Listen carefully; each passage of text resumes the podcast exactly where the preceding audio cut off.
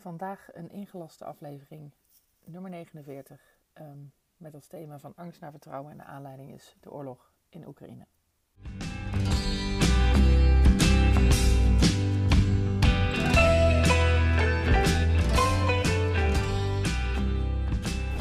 Lieve, lieve luisteraars. Vandaag ga ik proberen ehm, iets te zeggen over mijn ideeën rondom de oorlog in Oekraïne, maar in het algemeen ook. eh, die mij in ieder geval heel erg hebben geholpen om meer vanuit rust en vertrouwen ehm, dat tegemoet te zien dan dat ik daarvoor deed. Ehm, en ik hoop dat ik, nou ja, al is er maar één van jullie die dat ook daarmee voelt, ehm, ja, dan is de missie geslaagd. Ik had namelijk vanaf de start, eh, vanaf, ja, vanaf de eerste inval van Rusland in Oekraïne, eh, echt wel een, ehm, ja, een onrustig en angstig gevoel. Ik was heel erg geraakt door eh, de beelden eh, vanuit Oekraïne, heel erg geraakt door ehm, ja, ook wel het slachtofferschap eh, van, van hen. Dat je zo in vrede leeft en ineens zo wordt belaagd. Dat er zoveel agressie kan zijn. Nou ja, ik was daar behoorlijk van onder de indruk.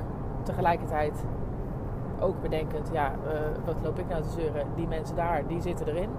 Hè, dus ook bestraffend naar mezelf daarover. Ehm, want wij hebben het uiteindelijk hartstikke goed. Wij hebben hier geen oorlog. Dus ik probeer het dan ook heel erg van mijn egoïstische gevoelens af te krijgen. En eh, alleen maar naar het algemene geheel te kijken. Ehm, mijn normale insteek bij nieuws is dat ik probeer die zo eh, goed mogelijk ja, in me op te nemen. In de zin van dat ik weet, ga kijken waar luister ik naar, waar eh, kijk ik naar en wat lees ik erover. En me eh, weg te houden van eh, stemmingmakerij, gespeculeer. ja, allerlei hotshot mensen die eigenlijk vooral angstig maken. Dus dat is mijn eerste tip. Hè. Dus ben selectief in waar je naar kijkt en de hele dag maar ja, eh, ellende in je opnemen. Want wie help je daar nou precies mee? Ehm, maar wat er eigenlijk belangrijker is, is die angst die heel veel mensen voelen. Die collectieve angst die wij met z'n allen voelen. Ehm, of nou, ja, niet iedereen. En laat ik het ook niet helemaal eh, generaliseren. Maar toch heel veel mensen hoor ik erover, over die angst.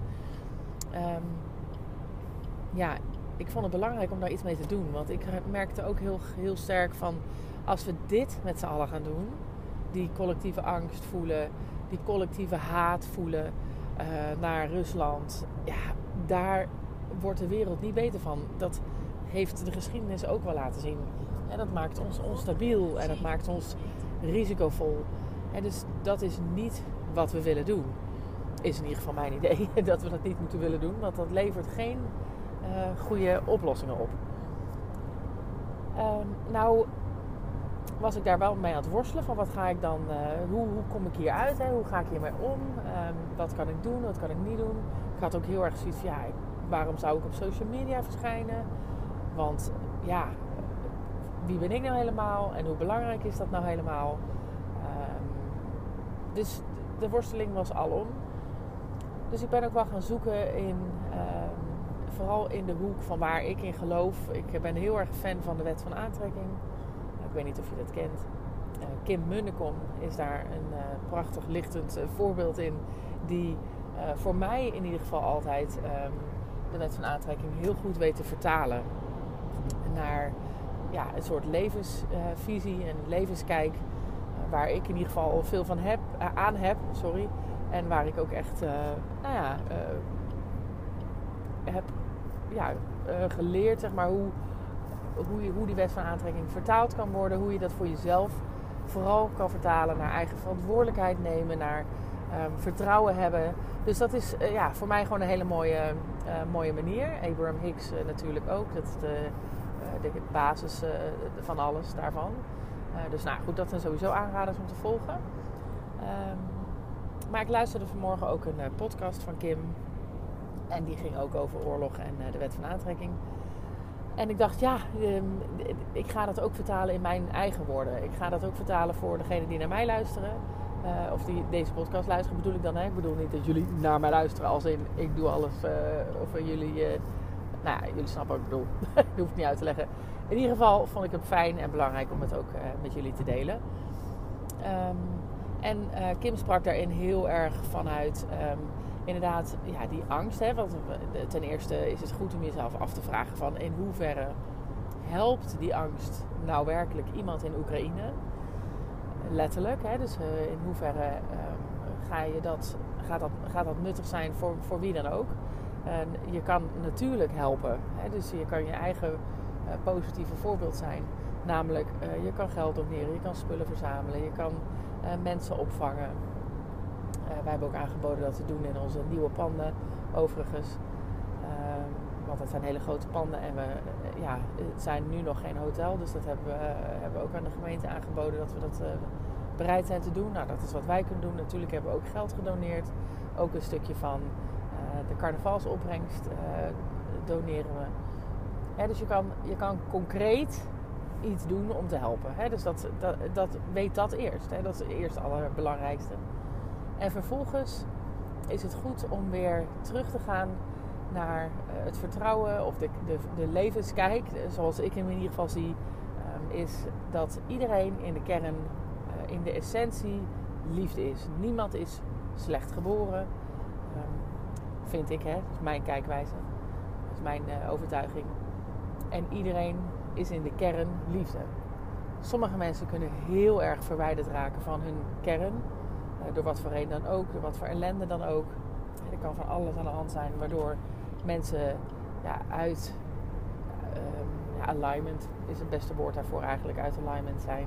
Oftewel uh, niet in touch zijn met hun ware kern, namelijk liefde. Um, nou ja, we hebben natuurlijk het voorbeeld daarvan uh, aan het hoofd van Rusland staan.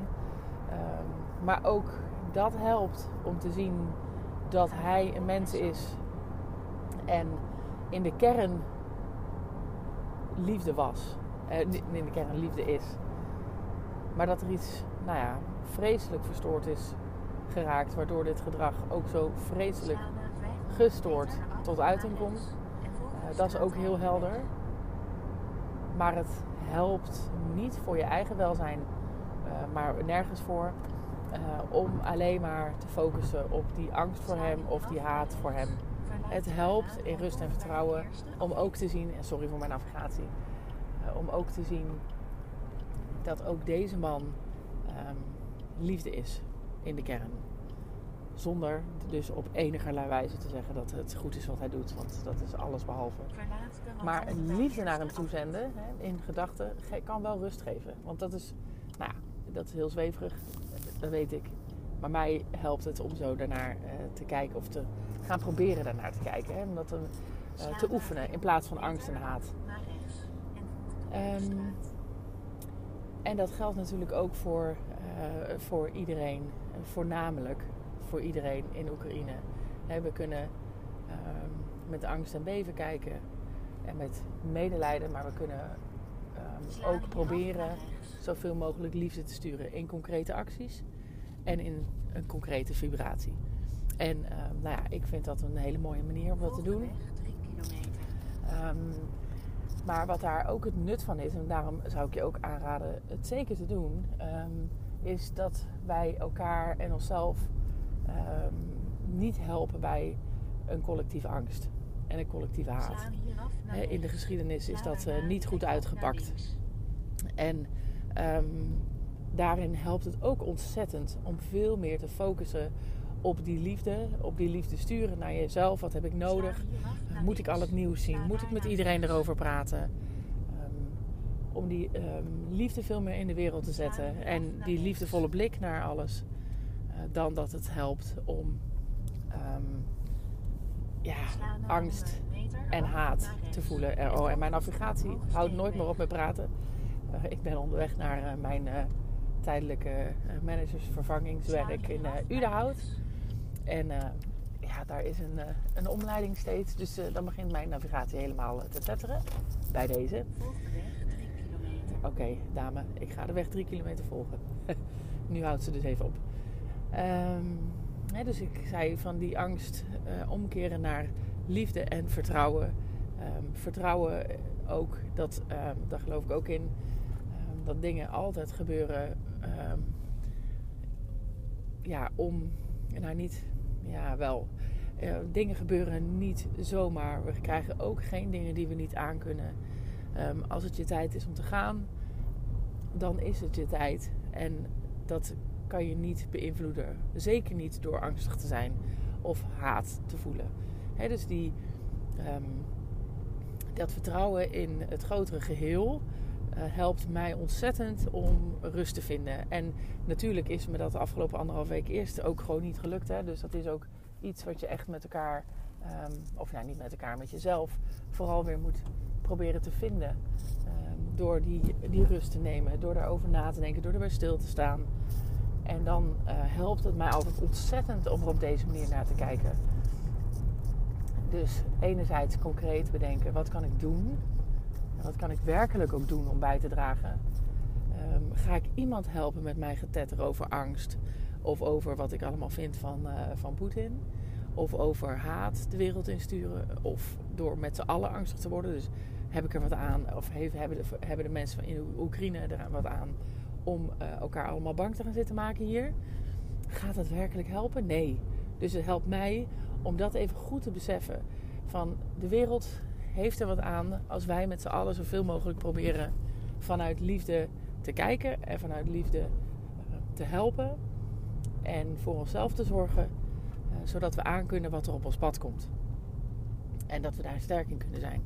Als ik iets mag zeggen over het gevoel wat ik krijg van de mensen in de Oekraïne, is dat zij precies vanuit die liefde en die vrede uh, proberen te staan voor hun zaak.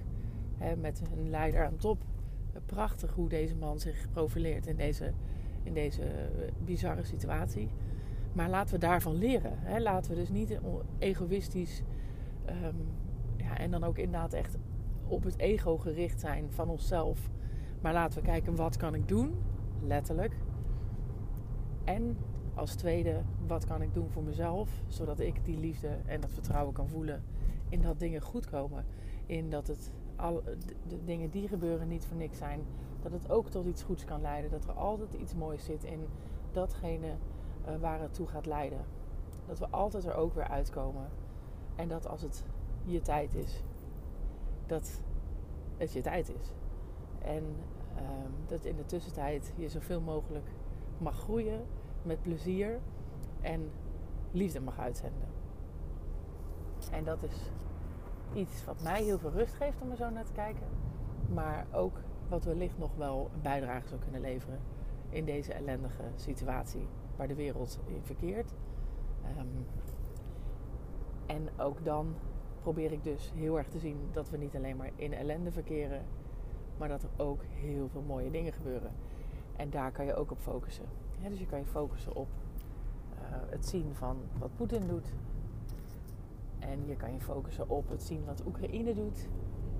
Je kan je focussen op wat je ziet dat de hele wereld doet. De eensgezindheid van Europa ineens. De eensgezindheid in de politiek. Ja, er gebeuren prachtige dingen. En die gebeuren vanuit liefde en niet vanuit angst en haat. En je eigen welzijn kan alleen maar verbeteren vanuit die liefde. En dat wilde ik je heel graag meegeven. Mij helpt het om er zo naar te kijken. Uh, een aanrader nogmaals is dus uh, Kim Munnekom. Een aanrader is ook Abraham Hicks.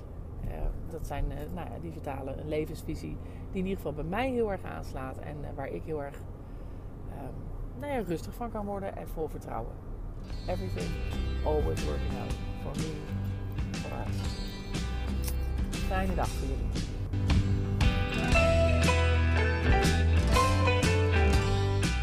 Lieve mensen, dat was hem weer.